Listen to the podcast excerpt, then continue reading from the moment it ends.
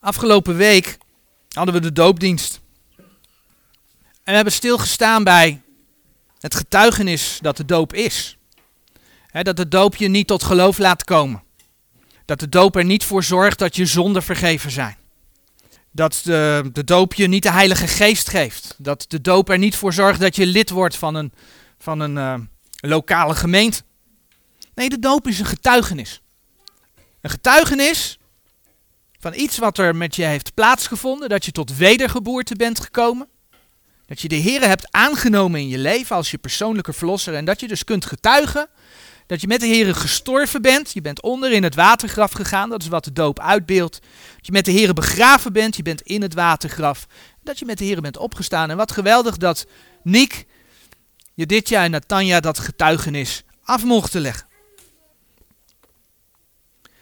De dienst daarvoor hebben we stilgestaan bij het thema ketelachtig zijnde van gehoor. We hebben gezien wat voor reacties Gods woord geeft in de wereld. Maar we zien eigenlijk binnen het lichaam van Christus op een andere manier, maar ook niet anders. Want het gedeelte wat we toen bekeken hebben, 2 Timotheus 4, vers 1 tot en met 5, dat gaat met name over de gemeente. We hebben ook gezien dat dat te maken heeft met het feit dat, ja, zeker nu ook in de laatste dagen, er zijn zoveel fabels over Gods woord verspreid. Maar er is ook een hang naar fabelen bij mensen. Liever een fabel dan de gezonde leer.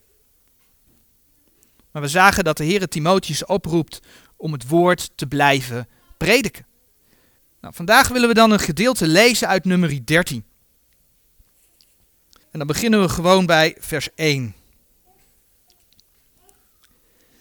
En de Heere sprak tot Mozes, zeggende, Zend u mannen uit die het land Canaan verspieden, het welk ik de kinderen Israëls geven zal. Van elke stam zijner vaderen zult gij lieden één man zenden, zijnde ieder een overste onder hen. Mozes dan zond hen uit de woestijn Paran naar de mond des Heren. Al die mannen waren hoofden der kinderen Israëls. En dan gaan we verder bij vers 17. Mozes dan zond hen om het land Canaan te verspieden en hij zeide tot hen, trek dit heen op tegen het zuiden en klimt op het gebergte en beziet het land, hoedanig het zij en het volk dat daarin woont, of het sterk zij of zwak, of het weinig zij of veel, en hoedanig het land zij waarin het zelf woont, of het goed zij of kwaad, of hoedanig de steden zijn in de welke het zelf woont, of in legers of in sterkte. Ook hoedanig het land zij, of het vet zij of mager, of er bomen in zijn of niet. En versterkt u en neemt van de vrucht des lands. Die dagen nu waren de dagen der eerste vruchten van de wijndruiven. Alzo trokken zij op en verspieden het land van de woestijn Zin af tot Rehob toe, waar men gaat naar Hamat. En zij trokken op in het zuiden en kwamen tot Hebron toe. En daar waren Ahiman, Sesai en Talmai, kinderen van Enak.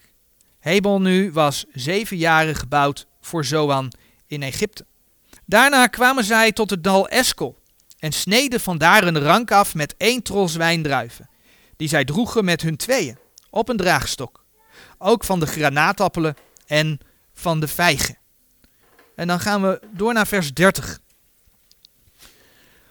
Toen steelde Caleb het volk voor Mozes en zeide: Laat ons vrijmoediglijk optrekken en dat erfelijk bezitten. Ze hebben het land verspied. Ze komen terug, ze vertellen Mozes wat ze gezien hebben. En ja, daar waren reuzen. Want wij zullen dat voorzeker overweldigen. Maar de mannen die met hem opgetrokken waren, zeiden: Wij zullen tot dat volk niet kunnen optrekken, want het is sterker dan wij. Alzo brachten zij een kwaad gerucht voort van het land dat zij verspied hadden aan de kinderen Israëls, zeggende dat land voor het welk wij doorgegaan zijn, om dat te verspieden, is een land dat zijn inwoners verteert. En al het volk, het welk wij in het midden van hetzelfde gezien hebben, zijn mannen van grote lengte. Wij hebben ook daar de reuzen gezien, de kinderen van Enak, van de reuzen. En wij waren als sprinkhanen in onze ogen. Alzo waren wij ook in hun ogen. Toen verhief zich de gehele vergadering en zij hieven hun stem op en het volk weende in diezelfde nacht. En al de kinderen Israëls murmureerden tegen Mozes en tegen Aaron. En de gehele vergadering zeide tot hem, och, of wij in Egypteland gestorven waren. Of och, of wij in deze woestijn gestorven waren. En waarom brengt ons de Heere naar dat land, dat wij door het zwaard vallen, en onze vrouwen en onze kinderen ten roof worden? Zou het ons niet goed zijn naar Egypte weder te keren? En dan nog een stukje vanaf vers 6. En Jozua, de zoon van Nun, en Caleb, de zoon van Jefunne, zijnde van degenen die dat land verspied hadden, scheurden hun klederen. En zij spraken tot de ganse vergadering der kinderen Israëls, zeggende, het land door het welk wij getrokken zijn om hetzelfde te verspieden, is een uitermate goed land. Indien de Heer een welgevallen aan ons heeft, zo zal hij ons dat land brengen, in dat land brengen, en zal ons dat geven. Een land het welk van melk en honing is vloeiende. Alleen zij tegen de Heere niet wederspannig, en vreest gij niet het volk deze lands, want zij zijn ons brood. Hun schaduw is van hen geweken, en de Heere is met ons, vreest hen niet. Ik denk dat we de geschiedenis wel kennen. Het volk is wel opstandig.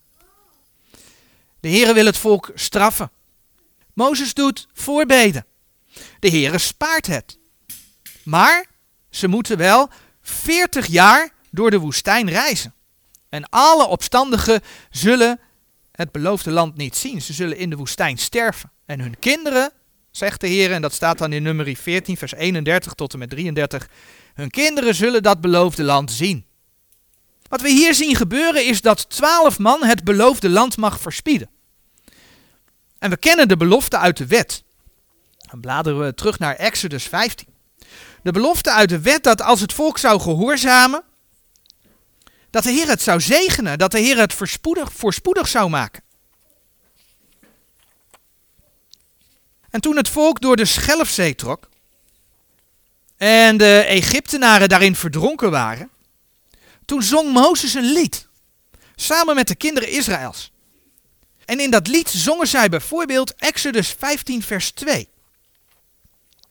De Heere is mijn kracht en lied, en hij is mij tot een heil geweest. Deze is mijn God, daarom zal ik hem een lieflijke woning maken. Hij is mijn vaders God, dies zal ik hem verheffen.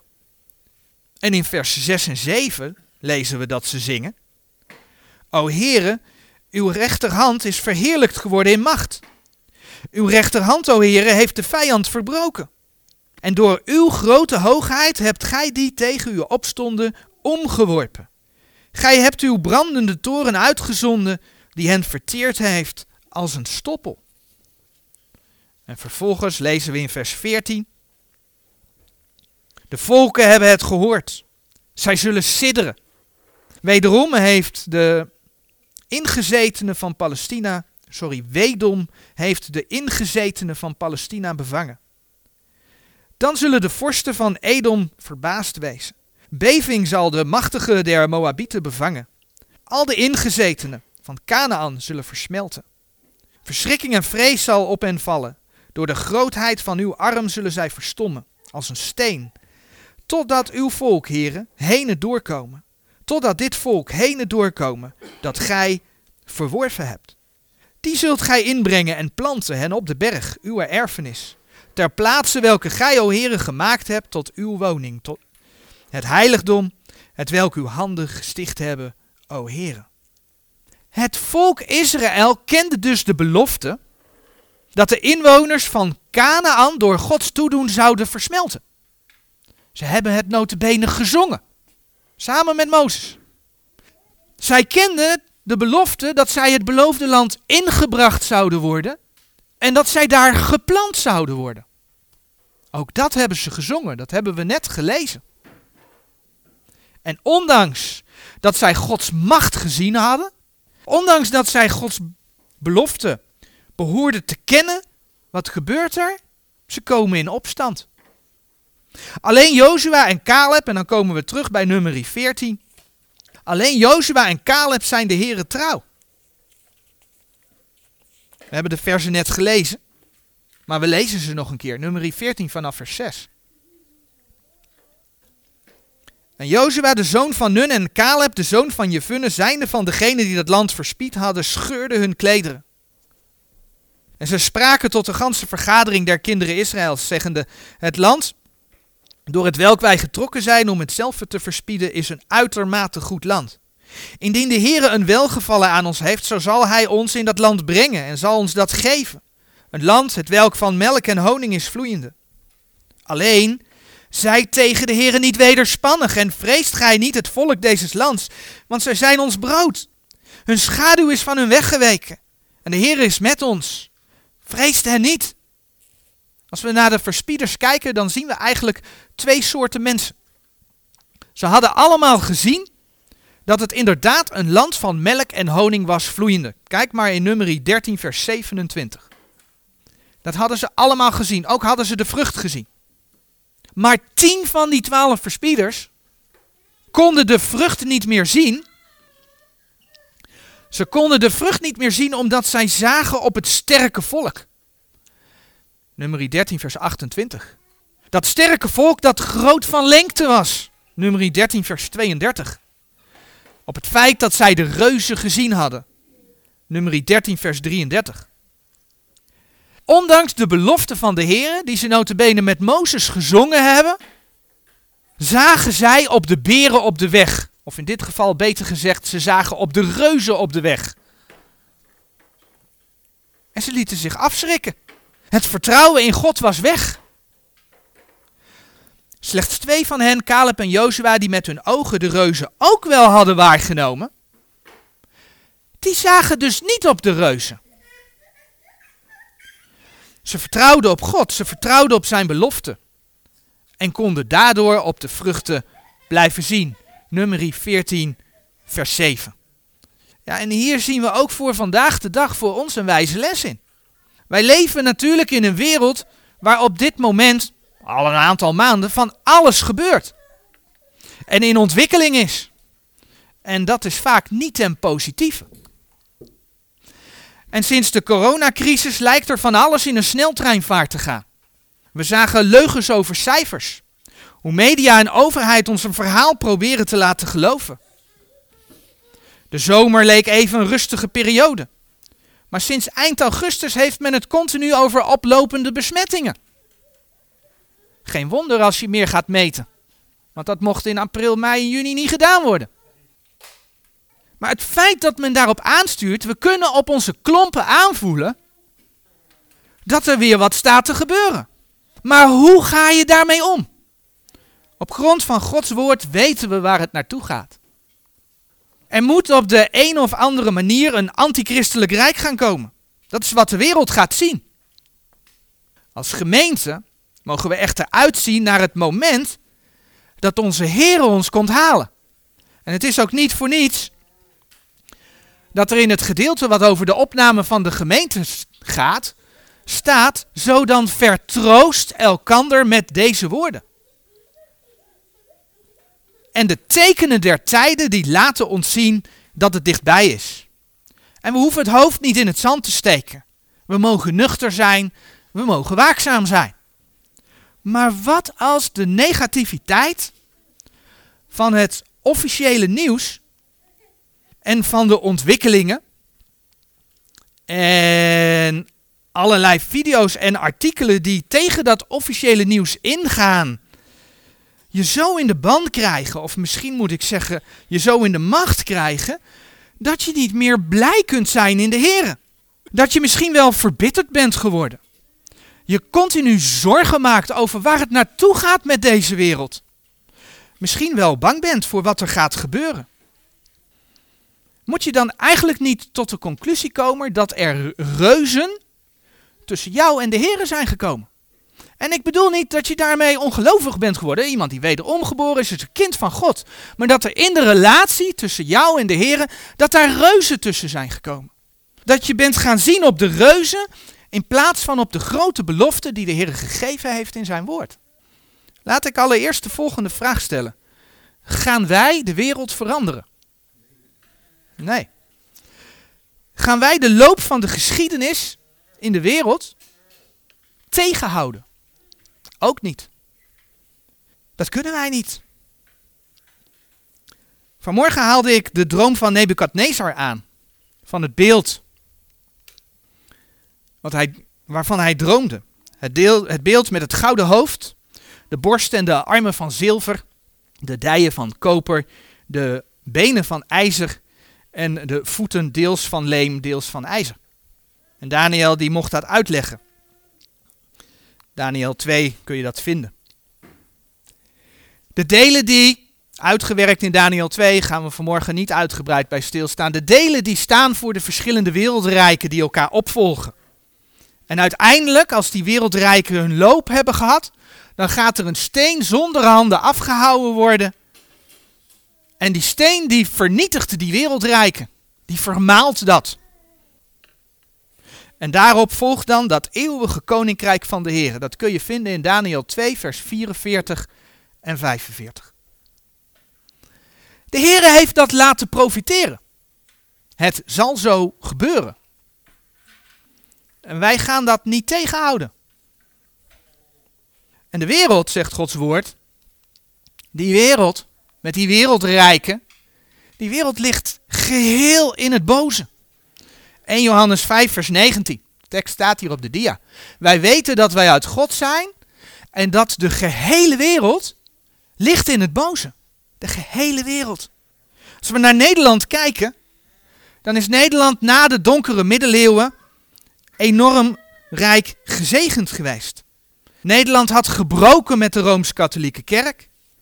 Nederland had notabene door de staat de Statenbijbel laten drukken.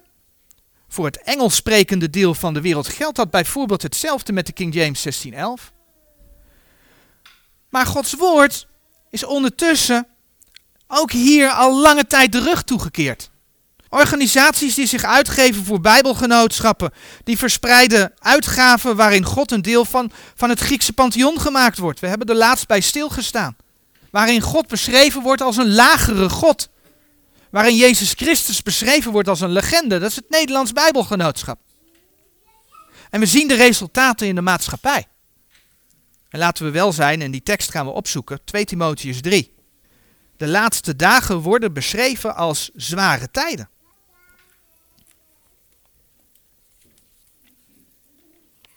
In 2 Timotheus 3, vers 1. En weet dit, dat in de laatste dagen ontstaan zullen zware tijden. En dan zegt het vijfde vers van 2 Timotheus 3. allemaal dingen die de mensen doen. En dan vers 5. Hebbende een gedaante van godzaligheid, maar die de kracht derzelve verlogend hebben. Heb ook een afkeer van deze. Men heeft in de laatste dagen een gedaante van godzaligheid. Men probeert dus voor te doen alsof men de Heer ja, met geloof bezig is, God kent. Maar het is een gedaante van. Het is, het is nep. Het is niet meer echt. En daar staat dan ook, men heeft de kracht derzelve verlogend. En dat is wat er gaande is in deze wereld. In deze laatste dagen. De Heere heeft het voorzegd. We kunnen dat niet tegenhouden. Dus als we dat niet kunnen tegenhouden, als het erbij hoort, waarom zouden we er ons dan druk over maken? Waarom verbitterd worden of bang worden? Wanneer de Heer Jezus over de tekenen der tijden spreekt, dan zegt hij in Matthäus 24, vers 6: En gij zult horen van oorlogen en geruchten van oorlogen. Zie toe, word niet verschrikt, want al die dingen moeten geschieden. Maar nog is het einde niet. Dus de Heere zegt over de dingen die in de laatste dagen moeten gaan gebeuren: Het moet geschieden. Schrik niet. Je weet het. Ik heb mijn woord gegeven. De heilige, alwetende, almachtige schepper heeft zijn woord gegeven. Hij heeft ons gewaarschuwd. Schrik niet. De wereld ligt in het boos. Maar wat heeft de Heere voor zijn kinderen gedaan? En dan zoeken we gelaten 3 op.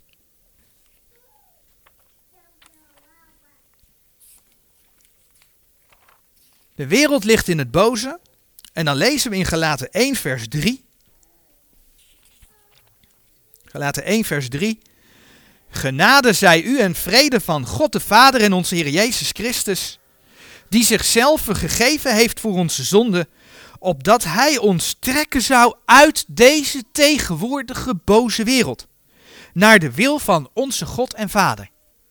Dus het feit is dat de Heer Jezus ons door zijn volbrachte werk al reeds uit de wereld getrokken heeft. Hij heeft ons eruit gehaald. In Efeze 2, een paar bladzijden verder, het gedeelte dat gaat over het feit dat Joden, door de weder, Joden en heidenen door de wedergeboorte één zijn in Christus. Daar zegt vers 19 van Efeze 2. Zo zijt gij dan niet meer vreemdelingen en bijwoners, maar medeburgers der heiligen en huisgenoten Gods.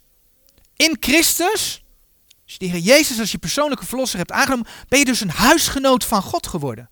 Je bent voor God geen vreemdeling en bijwoner meer. Maar wat betekent dat? Dat betekent dus dat je wel een vreemdeling en bijwoner op deze wereld bent. Je bent een huisgenoot van God geworden. Dus een vreemdeling en bijwoner op deze wereld. Je bent uit deze tegenwoordige boze wereld getrokken. Dat lazen we net in Galaten 1 vers 4. Deze wereld is helemaal niet jouw thuis. Je leeft wel in de wereld, maar je bent niet van de wereld. Je bent op doorreis. Hebreeën 13 verwoordt dat zo mooi. Hebreeën 13 vanaf vers 13.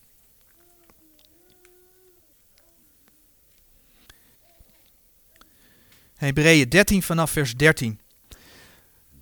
Zo laat ons dan tot hem uitgaan buiten de legerplaats, zijn smaadheid dragende. Want wij hebben hier geen blijvende stad, maar wij zoeken de toekomende. Laat ons dan door hem altijd goden opofferen, offeranden des lofs. Dat is de vruchten der lippen die zijn naam beleiden. Maar waarom, als dit voor ons geen blijvende plaats is? Ons dan druk maken over die wereld die zo achteruit gaat? Waarom verbitterd of bang worden? Is dat juist niet een teken dat het zo achteruit gaat? Dat het toekomende, dat zijn toekomst steeds sneller dichterbij komt. Dat is toch waar je naar behoort te verlangen. En ik snap het wel. Wij zijn als westerse christenen helemaal niets gewend. We konden in zekere zin altijd doen en laten wat we wilden. Overigens, dat is ook te zien in hoe die christenheid zich nu manifesteert. Want daar waar mensen geen druk ervaren, gaan ze mee met de rijkdom van de wereld. En dat brengt ook mede de afval van het geloof. Dat begint natuurlijk bij het los, loslaten van, van Gods woord, maar het heeft daar zijn invloed op. Maar goed, we zijn verwend. We konden doen en laten wat we wilden. We konden in vrijheid samenkomen. We konden alle onderwerpen uit de Bijbel vrijelijk bespreken. We konden het zelfs uitdragen. En ja, we zijn ook een luxe leventje gewend. En de overheid bemoeide zich daar niet zoveel mee. En nu wordt dat vrij abrupt allemaal toch een beetje anders. Nieuwsberichten worden gedomineerd door verhalen over ziekte en dood. En we weten dat er iets met de cijfers niet klopt en dat er een achterliggende agenda achter zit. En dan zijn er partijen in de wereld die dat ook zien en die daartegen ageren. En ook daar ontstaat een vloed aan artikelen en video's om te laten zien hoe slecht dat officiële verhaal is. En als je niet oppast, dan laat je je als christen in dat hele verhaal meeslepen. Maar die andere partijen, niet het officiële nieuws, die andere partijen, die willen onze wereld redden. Die willen onze wereld redden zoals wij de wereld gewend zijn. Maar we hebben net gehoord dat de wereld in het boze ligt. Die wereld die wij gewend zijn, die wij zo lekker vinden. Die wereld ligt in het boze. En Johannes 5, vers 19. Die is niet te redden. En wij zijn daar al uitgetrokken. We zijn er uitgetrokken. Weet je, het nieuws. Of het nu het officiële nieuws van de NOS, of de RTL, of noem maar de officiële kanalen is. Of de tegenhanger die vanuit diverse hoeken komt is ten eerste negatief. Maar ten tweede gaat het beide tegen Gods woord in.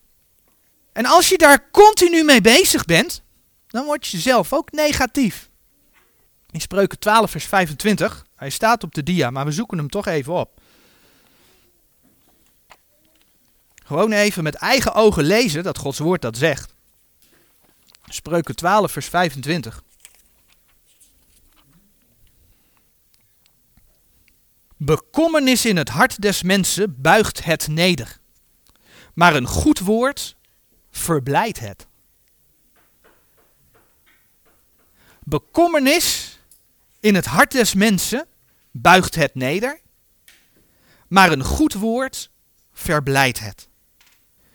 Als je je zorgen maakt, dan merk je dat het je neerbuigt. Het drukt je. Maar een goed woord, daar wordt de mens blij van. Dat werkt in het alledaagse leven ook zo. Je kunt je over allerlei dingen zorgen maken, maar een bemoediging, een bemoediging maakt je blij. Het sterkt je. Dus eigenlijk is dan de vraag, waar vullen we ons mee? Zijn we continu bezig met het uitvinden in welke tijd we leven?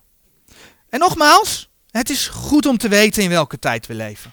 En ook ik zal vast nog weer spreken over de tekenen der tijden als er zich weer iets aandient. Dat ten opzichte van de huidige situatie een nieuwe ontwikkeling is. Gaat heus gebeuren. Als de Heer ons niet voor die tijd heeft opgehaald. Maar het zoveelste filmpje over corona. De cijfers rond corona. De machten die in onze regering bezig zijn. Voegt het nog wat toe?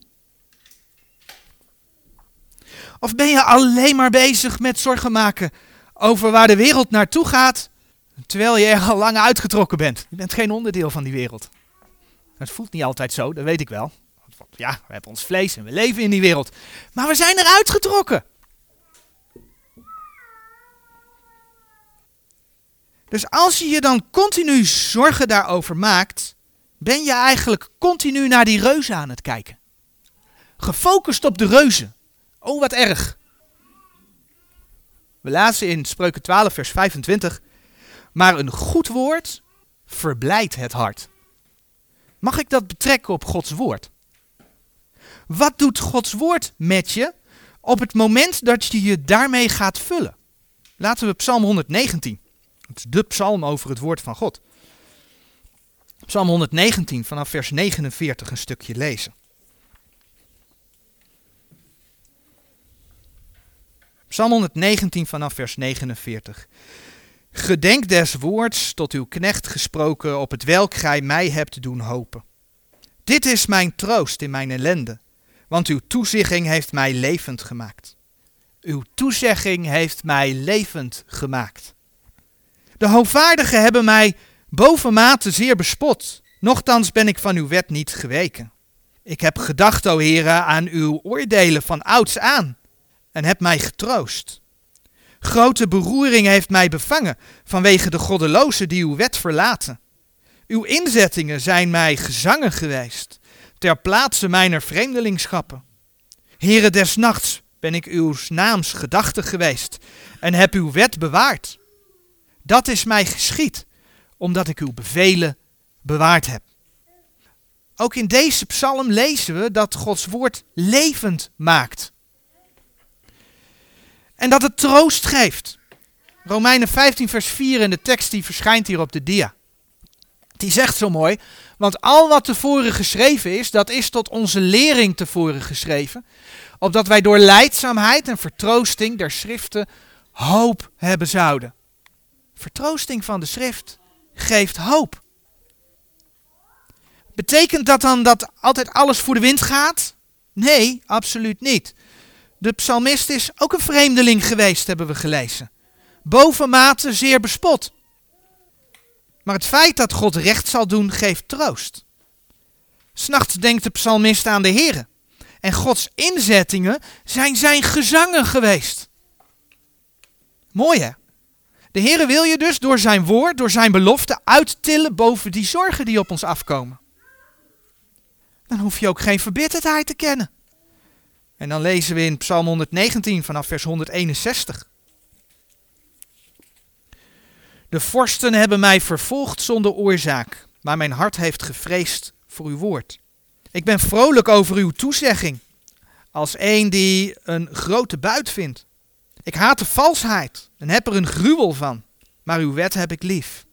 Ik loof u zevenmaal des daags over de rechten uw gerechtigheid, die uw wet beminnen, hebben grote vrede en ze hebben geen aanstoot. O heren, Ik hoop op uw heil en doe uw geboden. Mijn ziel onderhoudt uw getuigenissen en ik heb ze zeer lief. Ik onderhoud uw bevelen en uw getuigenissen, want al mijn wegen zijn voor u.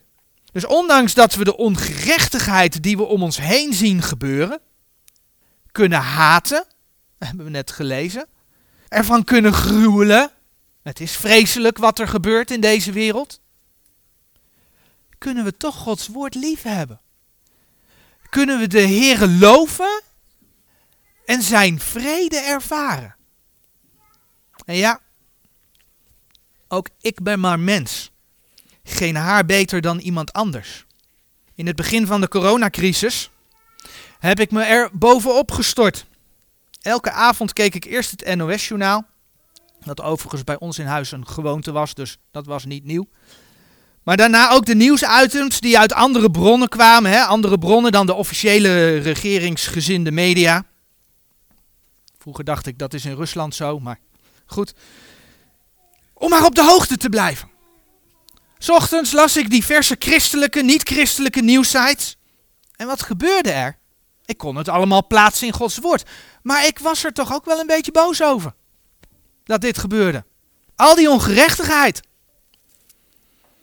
Maar weet je wat het ergste is? Je gaat er continu mee bezig. Je gaat er continu mee bezig. En dat is niet goed. Wij hadden de zomer hadden wij een conferentieweek. En in die hele week hebben we geen nieuws gezien.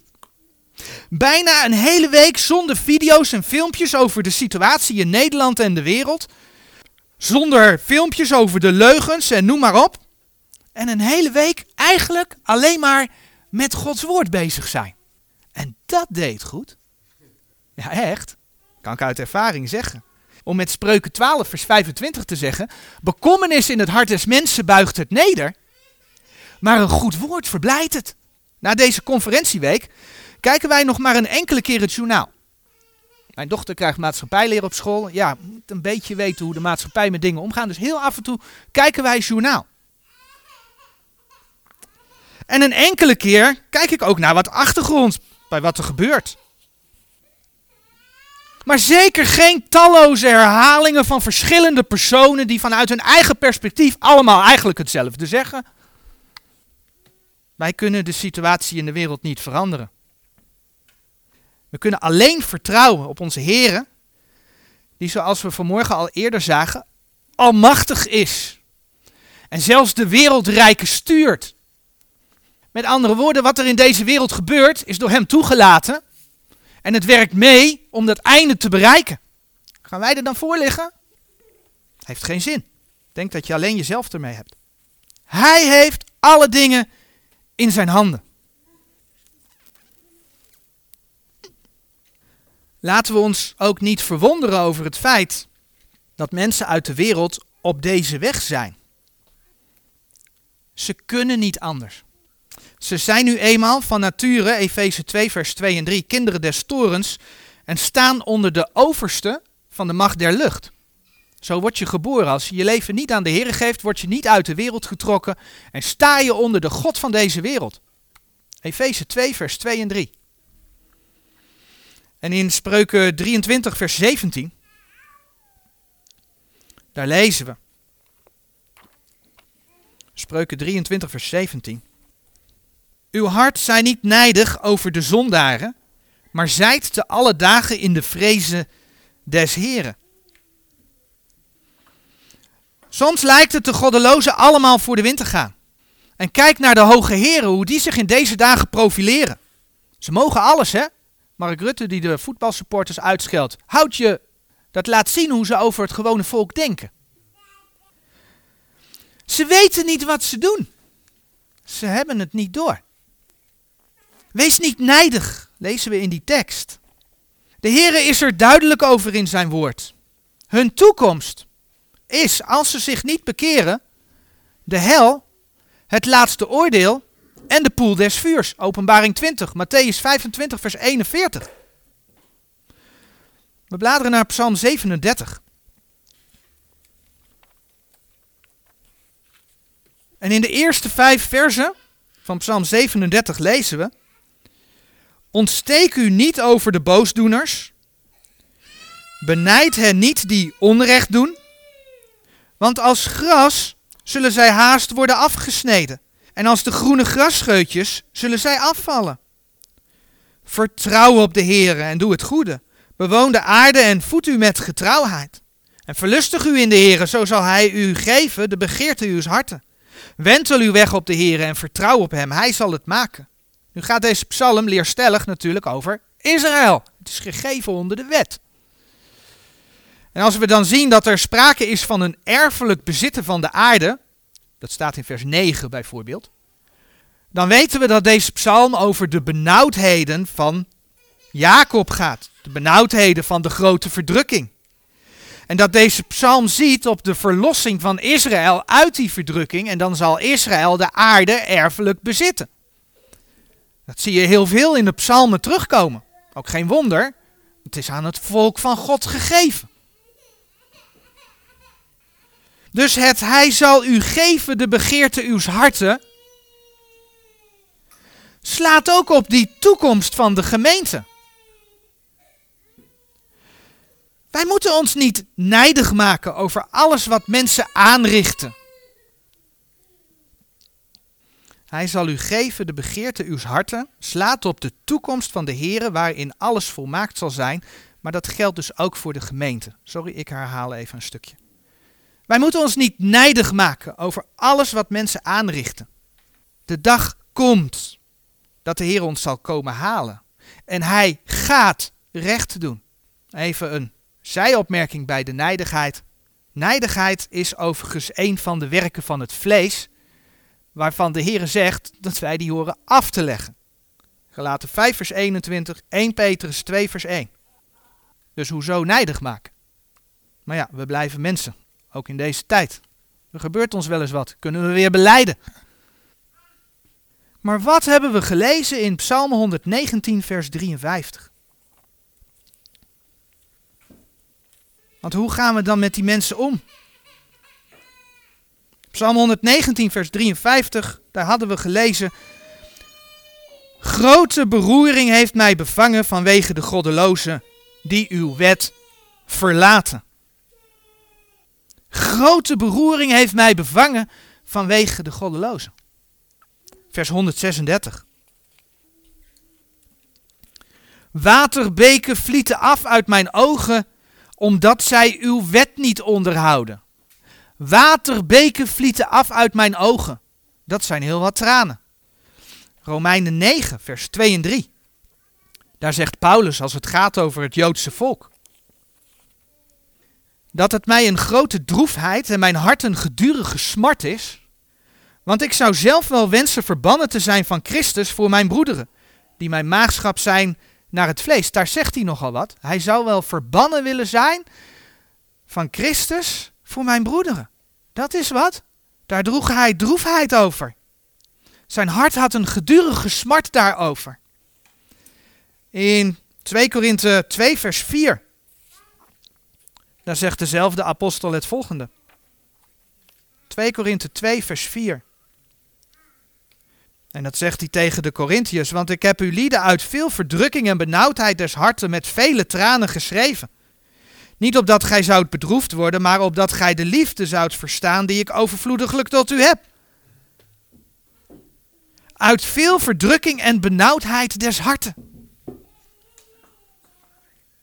De situatie van de Corinthiërs ging Paulus aan het hart. Hij had daar tranen over de misstanden die daar waren.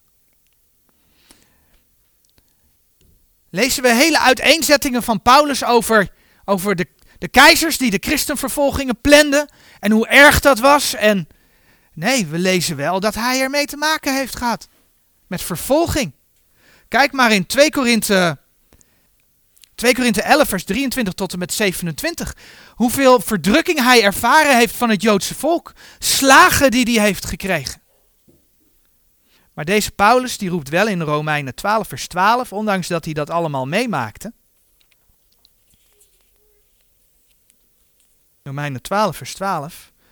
Verblijd u in de hoop. Zijt geduldig in de verdrukking. Volhard in het gebed. Verblijd u in de hoop. En we zien dan natuurlijk door zijn schrijven heen, door Gods woord heen, hoe hij moeite doet om mensen te bereiken met het evangelie, met de boodschap van het evangelie der genade Gods. Wij mogen, net als Paulus, zoals Hebreeën 13 vers 15 zegt, en die tekst hebben we al gelezen, maar die komt hier op de dia, mogen we in de context van het feit dat we hier geen blijvende stad hebben, in de context van het, de smaadheid van de Heer Jezus dragen, mogen we Hem lof geven. Mogen we Hem lof offeren door, zoals dat vers zegt, laat ons dan door Hem altijd goden opofferen, een offerande des lofs. Dat is de vrucht der lippen die Zijn naam beleiden. Als ik dat allemaal lees, dan kom ik vreselijk tekort. Ik sta hier nu ook met droge ogen. Die teksten gaan over waterbeken vlieten van mijn ogen. Maar heb je hart voor mensen? Stromen er waterbeken uit je ogen omdat mensen Gods woord links laten liggen? Omdat ze massaal grijpen naar de BGT? Om maar een voorbeeld te noemen. Heeft grote beroering je bevangen omdat mensen de Heer Jezus niet kennen? Doet het je wat? Om terug te komen op het thema, hoe ga je met alles om? En dan zoeken we Colossense 3 op. En die tekst lees ik niet voor het eerst voor. Een hele mooie tekst. Indien gij dan met Christus opgewekt zijt, zo zoekt de dingen die boven zijn. Waar Christus is, zittende aan de rechterhand Gods. Bedenkt de dingen die boven zijn, niet die op de aarde zijn.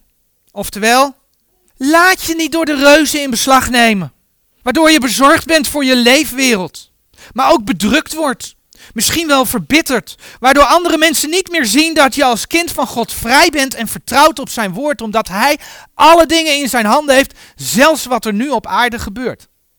Maar voed je met Gods woord, dat leven geeft, dat vertroost. Bid de Heer. Misschien een leuke uitdaging. Probeer te ervaren wat ik in die conferentieweek heb ervaren. Laat eens een hele week al die, al die video's, al die berichtgeving liggen. En de tijd die je daaraan zou besteden, ga dat gebruiken om Gods woord te lezen en te bidden. Voed je met Gods woord.